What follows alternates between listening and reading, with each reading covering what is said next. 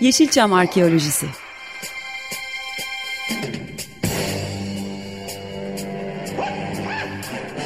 Türk sineması ve Yeşilçam'ın besin kaynakları, emekçileri ve kıyıda köşede kalmış hikayeleri.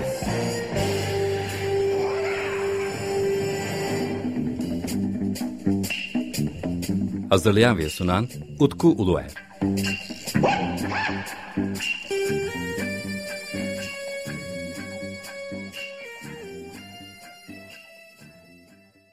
Merhaba değerli Açık Radyo dinleyicileri. Ben Deniz Utku Uluer ve yepyeni bir Yeşilçam arkeolojisi programında da sizlerle birlikteyiz.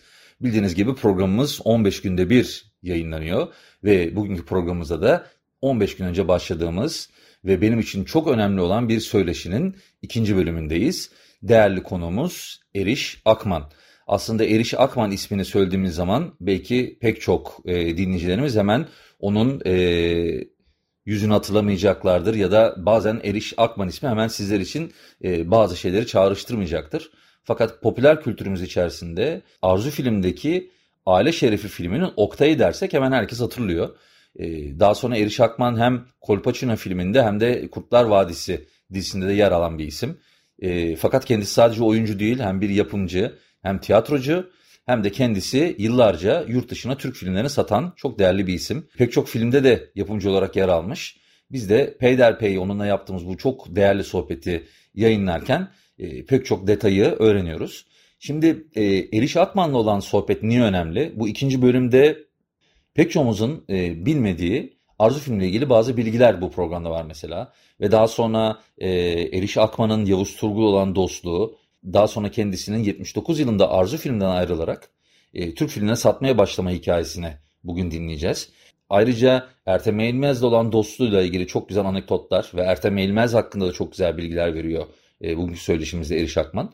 E, zaten kendisi de hem bir eğitimci de olduğu için benim için muazzam bir söyleşi olmuştu. Önümüzdeki haftalarda yine Eriş Akman'la ilgili yaptığımız söyleşi devam edecek. Çünkü bence e, Türk sinema tarihi için çok önemli bilgiler veren e, ve e, çok önemli konuları da tanıklık etmiş ve kendisi de bir fiil Türk filmlerini satmaya çalışmış olan çok değerli bir isim. Çok fazla yerde kendisini dinlemediğimiz için de Yeşilçam arkeolojisinin de belki de en önemli söyleşilerinden bir tanesi olduğunu söylersem e, yanlış olmaz diye düşünüyorum. O zaman karşımızda Eriş Akman ve kendisiyle yaptığımız söyleşinin ikinci bölümü. Birçok ülkede birçok ülkede bu hata yapılıyor. Yani evet. Fransa'da dahi yapılıyor artık yani. Geçmişte bir ustanız olmazsa sinemada çalışamazdınız. Çok zordu o ustayı bulmak. Hala da öyle. Yani İngiltere'de Tabii. sizin kalkıp da endüstriye girmeniz bir mucize. Endüstride çalışırken birinin sizi beğenmesi başka bir mucize. Anlatabiliyor muyum? Yani, tabii tabii kesin. Onun için bu şey içerisinde yani kontekst içerisinde e, Yılmaz çok çok önemli bir adamdır benim için yani. İşte evet. ben dedim ki boynu bükük öldülerin ben senaryosunu yazayım abi dedim. O dedi ki bana kardeşim bu zaten senaryoydu. Ben sonra roman yazdım dedi ondan. Ama dedi sen senaryo öğrenmek istiyorsan ben Baba filmini çekiyordu o sıra şey senaryosuna Hı. çalışıyormuş. Gel dedi babanın senaryosuna çalışıyorum. Gel beraber çalışalım dedi. Tabii benim için büyük bir şey oldu. Yılmaz çok zeki bir adam. Yani ben o şeyler o dönemin niyeydi yani o e, barlar, pavyonlar, kapatma, kumarhaneler niyeydi anlamış değilim yani. O, o kadar farklı bir adam ki o şeylerden. Neyse işte Yılmaz'dan sonra ben şunu düşündüm. Dedim ki ya kardeşim Türkiye'de eğitimli tiyatro seyircisi yok. Dünyada yok. Eğitimli tiyatro seyircisi sadece İngiltere'de var, Amerika'da hı hı. var ve de Fransa'da var biraz. Belki biraz da Almanya'da vardır. Onun dışında eğitimli seyirci yok. Tiyatro eğitimli seyirci. Onun için de Siz kalkıyorsunuz abicim bir siyah perde koyuyorsunuz arkanıza. Seyirciye diyorsunuz ki kardeşim beni parkta hayal et. Bu çok zor bir şey. Seyircinin hayal gücü olmadan bir seyirciye oynamak kadar tatminsiz bir olay olamaz oyuncu için veya yönetmen için. Evet. Onun için ben dedim ki ya sinema çok iyi. Çünkü sinemada sen gidip parkta çekiyorsun sahneyi yani. Gerek yok ki perdeye merdeye. Sahnenin bütün kısıtlamalarını kaldırıyor. Ben onun için evet. sinemaya gül koydum. Yani şey için falan bırakmadım ben tiyatroyu. Tiyatroyu hala çok severim. Ara sıra da yapıyorum, yaptım da. Yine yapmak istiyorum. Ama sinemanın farklı bir yönü var. Bu da avantajı var yani. Bu da bu. Yani çok gerçekçi. Zaten Stanislavski metodunun aslı gerçekçilik üzerine kurulur. Realizm akımından esinlenmiş adam. Realizmi tiyatroya uygulamış. O zaman da ne olmuş? Diyor ki bir karakterin üç tane boyutu var diyor. O güne kadar bütün tiyatro eğitimi iki boyut üzerine. Hı hı. Ses ve hareket. Jestler, mimikler bilmem ne. Onun için büyük büyük jestler, mimikler. Buna mekanik oyunculuk diyor Stanislavski. Fakat şunu da altını çizerek söylemek istiyorum. Bu yanlış anlaşılıyor. Mekanik oyunculuk kötüdür demiyor adam. Demiyorum diyor, altını çiziyor. Mekanik oyunculuk da başka bir şey ama bizim yaptığımız farklı bir şey. Evet. Bizde üç boyut var diyor. Üçüncü boyutta psikolojisi. Bütün olay değişiyor. Realizm geliyor. Yani sen karakterine psikolojik bir boyut kattığın anda her şey gerçekçi oluyor. Her şey doğal oluyor. Doğal oluyor. Onun için mesela e, Uğur Yücel yönetmenlik yaparken oyuncularına şey diyormuş. Oynamayın. Allah Allah. Ben oyuncuyum ya. O zaman sen de yönetme yani. Böyle saçma şey mi olur? Bu arada yani, siz siz söylerken aklıma benim bir oyuncu geldi. Yıldırım Gencer geldi mesela. Siz anlatırken tam. Mesela Yıldırım Gencer'i nasıl bulursunuz? Valla çok filmini seyretmedim, çok tanımadım da ama ilginç bir tiptir. Metin Erksan çok beğenirdi Yıldırım Gencer'i. Evet. Ondan sonra e, yani şimdi şöyle bir olay var. Mekanik oyunculuk, çok iyi mekanik oyuncular var Türkiye'de. Yani mesela Uğur Yücel onların kralıdır yani. Hı hı. Benim için. Çünkü mekanik oyunculuk biraz da mukallitlikten geliyor. Şener Şen aynı şekilde. Haluk Bilginer aynı şekilde. Haluk'a söylemeyin kızar. Çünkü o Stanislavski oyuncusu olduğunu zannediyor ama değil maalesef. Hı hı. Ama Ahmet Leventoğlu tam bir metot oyuncusu. Anlatabiliyor muyum ne demek Anladım. istediğimi? Yani onun için şimdi Böylelikle ben kendimi sinemada buldum. Fakat tam Yılmaz'ın işte 3-4 filminde oynadık falan. Mustafa Alabora ben öyle bir takımı vardı. Hı hı. Bizi her filmine e, çağırıyordu sağ olsun. Hem de maddi olarak da çok büyük katkısı oluyordu tabii. E, hapse girdi. İlk kez işte o şey e, Ankaralı çocukları villasında Hı. sakladı diye.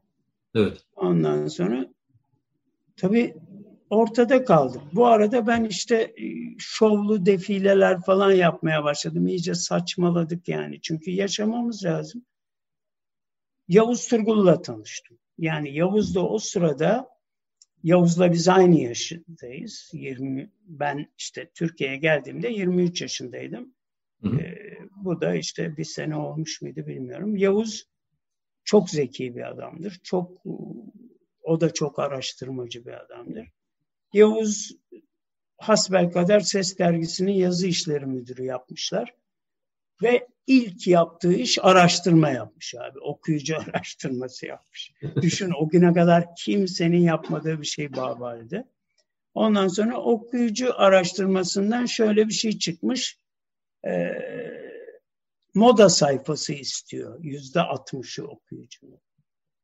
Bu arada da ben Barış Manço ile çalışmaya başladım. Biz Barış Manço ile e, çocukluk arkadaşıyız. Barış da o sırada şeyden geldi, e, Belçika'dan geldi. Belçika'dan. Ve biz Manço Prodüksiyon'un planlarını yaptık. Manço Prodüksiyon işte yapım şirketi olacak. Müzik yapımı, film yapımı, fotoğraf, grafik, grafik böyle korkunç bir boyumuzdan büyük bir plan yaptık ama tabii Türkiye'yi hiç tanımadan yaptık. E, efendim Ondan siz sonra... kesinlikle babamla e, ahbap yapmışsınız bence. Babam da kesin. Yani, e, Esin Uluer çünkü babam da çok yakın arkadaştı Barış Manço'yla. Hatta Öyle bizim ev, bizim evimiz e, Barış Manço'nun evinin arkasında. Yani e, onlar moda modadakinde biz mektep sokakta oturuyorduk. Hatta bizim yan komşumuz da şeydi Enis Fosforoğlu'ydu. Ee, ha, Enis de çok samimi arkadaşımdır. Yani ya biz aile zaten ailecek görüşüyorduk Enis Fosforoğlu'yla. Hmm. Ee, ondan sonra hatta köşede de Lale Belkıs'ın evi vardı. Ahmet Güvenc'in evi de bir üst sokakta. Yani zaten Ahmet Ama Güvenç. Ama benim bahsettiğim dönemlerde Barış da Belçika'dan yeni gelmişti. Yeni gelmişti. Daha Lale Hanım'la tanışmamıştı. Bahariye'de, Bahariye'de Tabii. annesinin bir evi vardı. Orada... Da, dayımı, dayımı tanıyorsunuzdur bence bir de. O da Kim? Erol Ulaştır. Erol, Erol Ulaştır. Tabii Erol'u tanıyorum. Tabii tanıyorum. O, o da dayım ben, oluyor. Ben de maalesef bir şey var. Ben isim çok iyi hatırlayamıyorum ama yüz hiç unutmuyorum. Mesela e, görsem babanın resmini hemen tanırım. Ama Day, isimden... dayım dayım Cahit Oben dörtlüsünde davul çalıyordu. Ha. Ee, ondan sonra e, şey geçti. O Öztürk Serengin'le ve e, onlar bayağı yakın arkadaşlardı. Bir plak şirketi kurmuşlardı zaten. İlk başta ulaştığı plak vardı ama sonra Öztürk Serengin'in kurduğu plak şirketinde destek oluyordu. Bir de e, dayım şeyle de yakın arkadaşı Cem Karaca'yla da. Ee, ben de Cem yani Barış Cem'le ya, zaten çok yakın evet. görüşürdü. Ama o da modadaydı yani o da modalı e, As kulüpte sanat direktörüydü babam orada. Aha. Yani o, yani yüzde yüz yani hem dayımla hem babamla tanışmışız. O bir Express diye dergi çıkıyordu. Onda yazıyorlardı onlar. Express evet, dergisi. Evet hatırlıyorum Express'i. Bu dönem e, Barış'ın Kurtalan Express'i kurduğu dönem. Tabii yeni yeni kurmaya başladı. Ondan sonra Kurta, Kurtalan Express'i kurdu. İşte Engin Yörükoğlu, ondan sonra Cahit falan filan çok e, samimiydik o zamanlar. E, ve biz yani hep hiç ayrılmıyorduk. Biz hep böyle birbirimizle iç içeydik. Neyse işte sonra Yavuz bana bir gün geldi Yavuz. Ona, ha Yavuz bana şey işi o barış vasıtasıyla Mine Engez'i tanıdım. Şimdiki soyadı Engez. Mine neydi ya soyadları? Baykara o zaman. Mine Baykara ve Tuna Baykara diye Babal'de iki kız kardeş vardır. Mine Ses Dergisi'nin muhabiriydi. Onun için Barış'la çok samimiydi. Beni de oradan tanıyor. Ondan sonra beni aldı Yavuz'a götürdü, tanıştırdı. Hiç bahsetmedi o. Ondan sonra dedi ki işte Yavuz'la seni tanıştırmak istiyorum falan. Gittim ben de gazeteye, şeye, dergiye. Yavuz'la tanıştık ve birbirimizi çok sevdik yani. Aynı.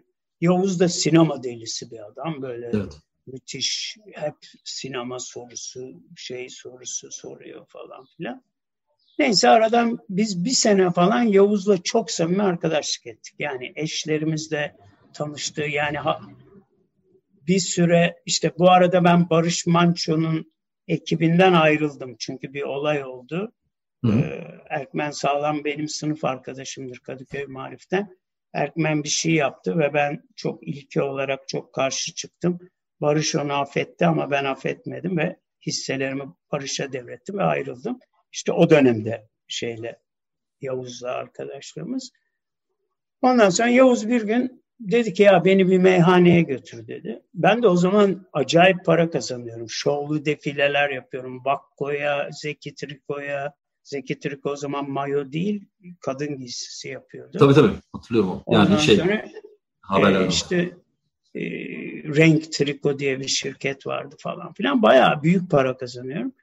Ondan sonra Yavuz dedi ki beni bir meyhaneye götür dedi. Götürdüm ben bunu. Abi sabaha kadar konuştuk. Olay şu. Ertem Eğilmez buna teklif yapmış. Gel sen sinemayı çok seviyorsun. Bırak basını. Geleceğin şeyi sinema. Gel benle çalış demiş. Bu da benim fikrimi alıyor. Ben dedim ki vallahi Yavuz sen çok seviyorsun sinemayı. Çok mutlu olursun.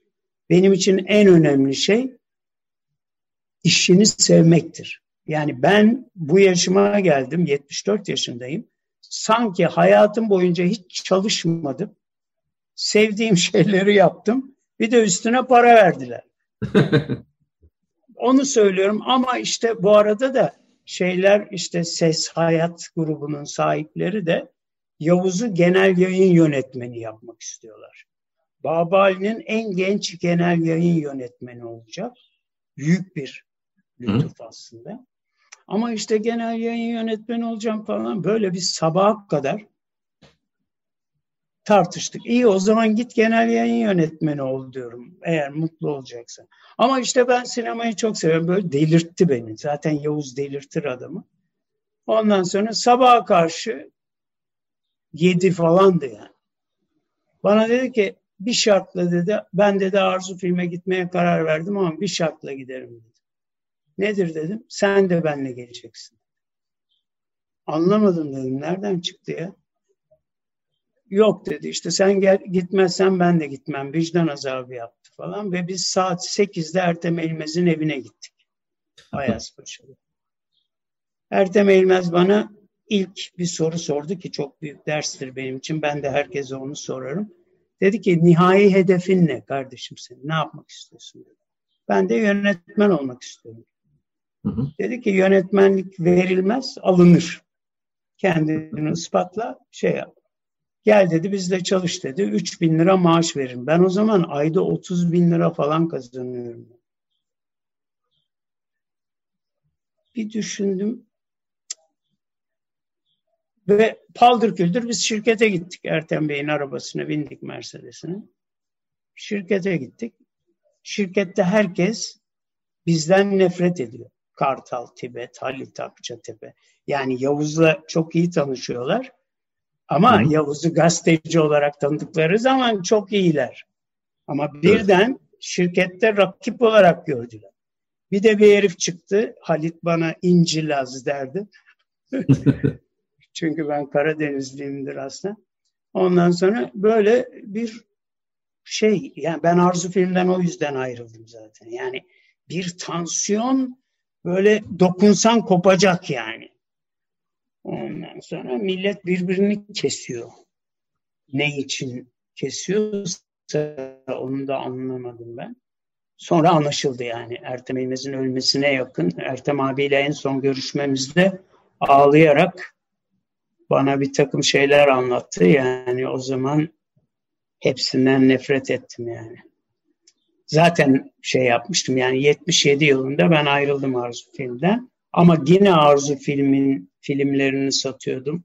Hı hı. Ee, onlarla birlikte çalışıyordum. Danışman gibi gidip geliyordum bedava paramı almadan. Ama e, şirkette yani o sahtekarlığa gir, girmedim yani.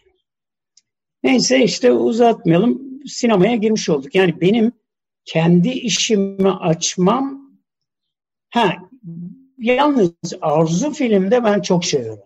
Yani bir de biz Yavuz'la bir işgüzarlık yaptık. Ee, ben tuzağa düştüm yine. Yavuz dedi ki ya Ertem abi anlatıyor. Hakikaten sürekli anlatıyor. İşte biz Türk filmleri Mısır'da kapıcam çerçeve kırıyormuş. Yunanistan'da şöyle iş yapıyormuş. Bilmem nereye satılmış buraya. Şimdikileri niye satamayalım dedi ya. Ben dedim ki tabii dedim ya.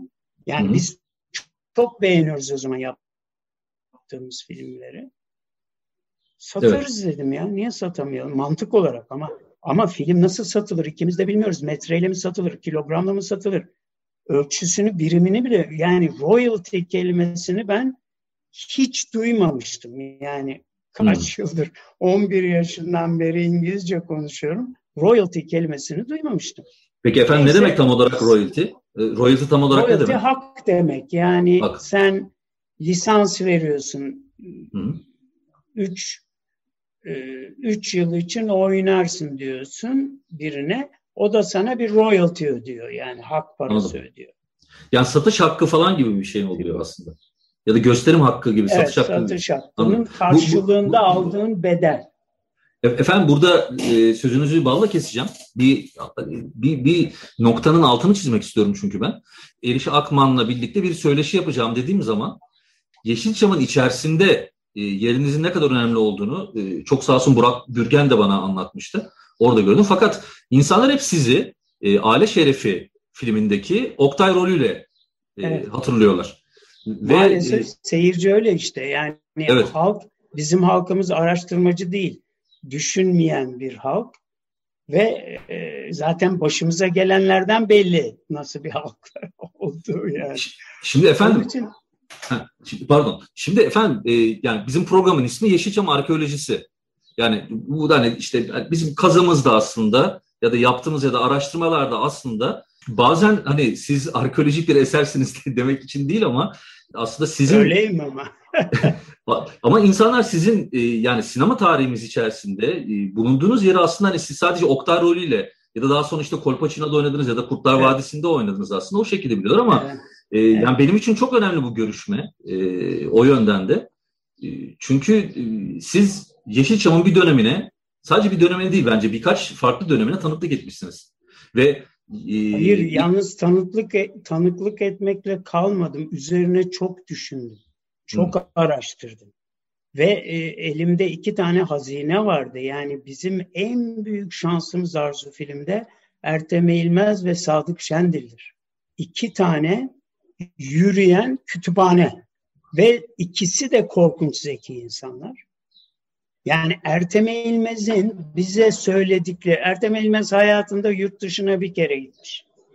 Fransa'ya mı ne gitmiş arabayla. Hı. Ben Ertem İlmez'in söylediği ilkeleri Hollywood'da işittim aynısın. Aynısın.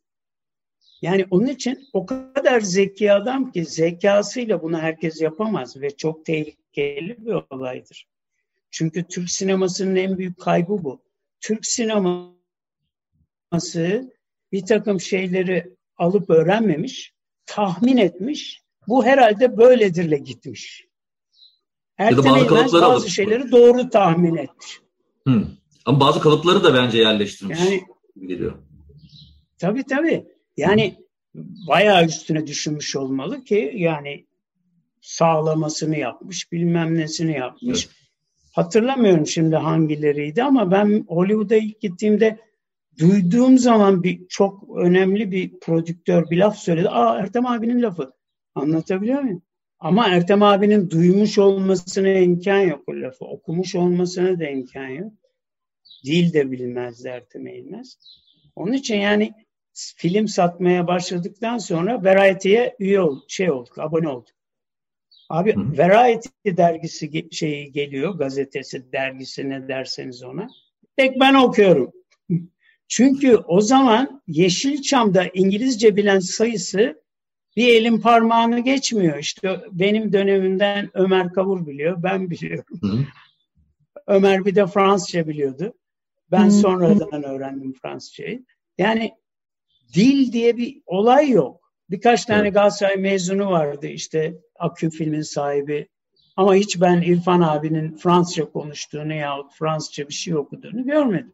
Okuma zaten Türkiye'de. Yok gibi bir şey yani. Dedik ya hadi filmleri satalım. Tabii ben o arada hiç düşünmedim. Ulan satalım diyoruz ama ben satacağım. Çünkü dil bilen başka adam yok. Benim başıma kaldı o. Meğerse o Yavuz'un yaptığı bir planmış. Sonradan uyandım bunu. Beni dağıtım ve satışa itip meydanı kendine buldu. Ama aynı zamanda da bir danışmanı var. Mesela e, Süt Kardeşler miydi bir filmde işte bir bir sahnede Ertem abi yapardı onu sık sık. E, Ertem abinin gözdeleri vardı. Yavuz da bu gözdelerden biriydi. Mesela Ertem abi birden hadi bu sahneyi sen çek Yavuz dedi. Kalktı Hı-hı. çıktı gitti abi setten. Sayit Halim Paşa köşkündeyiz. Ondan sonra Kriton İlyadis'te görüntü yönetmeni. Yavuz'un eli ayağı titredi, bembeyaz oldu. Ben dedim ki bak şöyle yap işte avizeden inelim aşağıya dansöz o sırada gelsin. Hı hı. Dansöz kadra girsin falan filan. Ben dekupajı yaptım. Kriton İlyadis'e verdim. Kamerayı şuraya koy abi dedim. Bilmem. Yani ben çektim sahneyi. Tamam Ondan sonra filmi seyrediyoruz. Ertem abinin odasında böyle herkes yerlerde oturuyor. Biz de Yavuz'la yerde yan yana oturuyoruz. Ondan sonra o sahne geldi. Büyük bir gururla Ertem abi dedi ki bunu Yavuz çekti dedi. Ondan sonra Yavuz eğildi kulağıma aslında sen çektin diye fısıldadı. Ben de onun kulağına eğildim. Yüksek sesle söylesene dedi. Hık yok. Anlatabiliyor muyum? Neyse ben bu arada tabii aslında onlar kötü niyetle yaptılar ama bana büyük bir iyilik yaptılar. Ben dünya piyasasını tanımaya başladım. Mesela festivallere gitmeye başladım abi.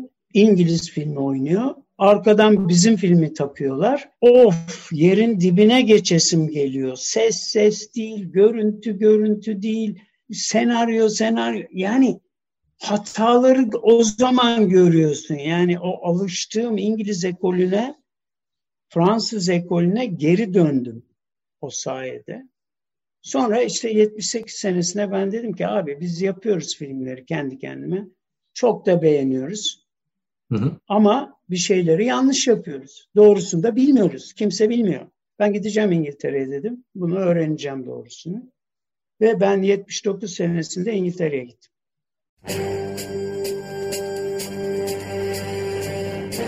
Yeşilçam Arkeolojisi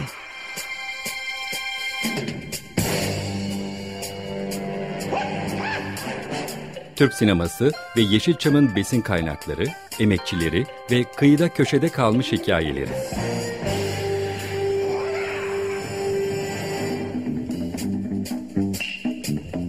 Hazırlayan ve sunan Utku Uluer.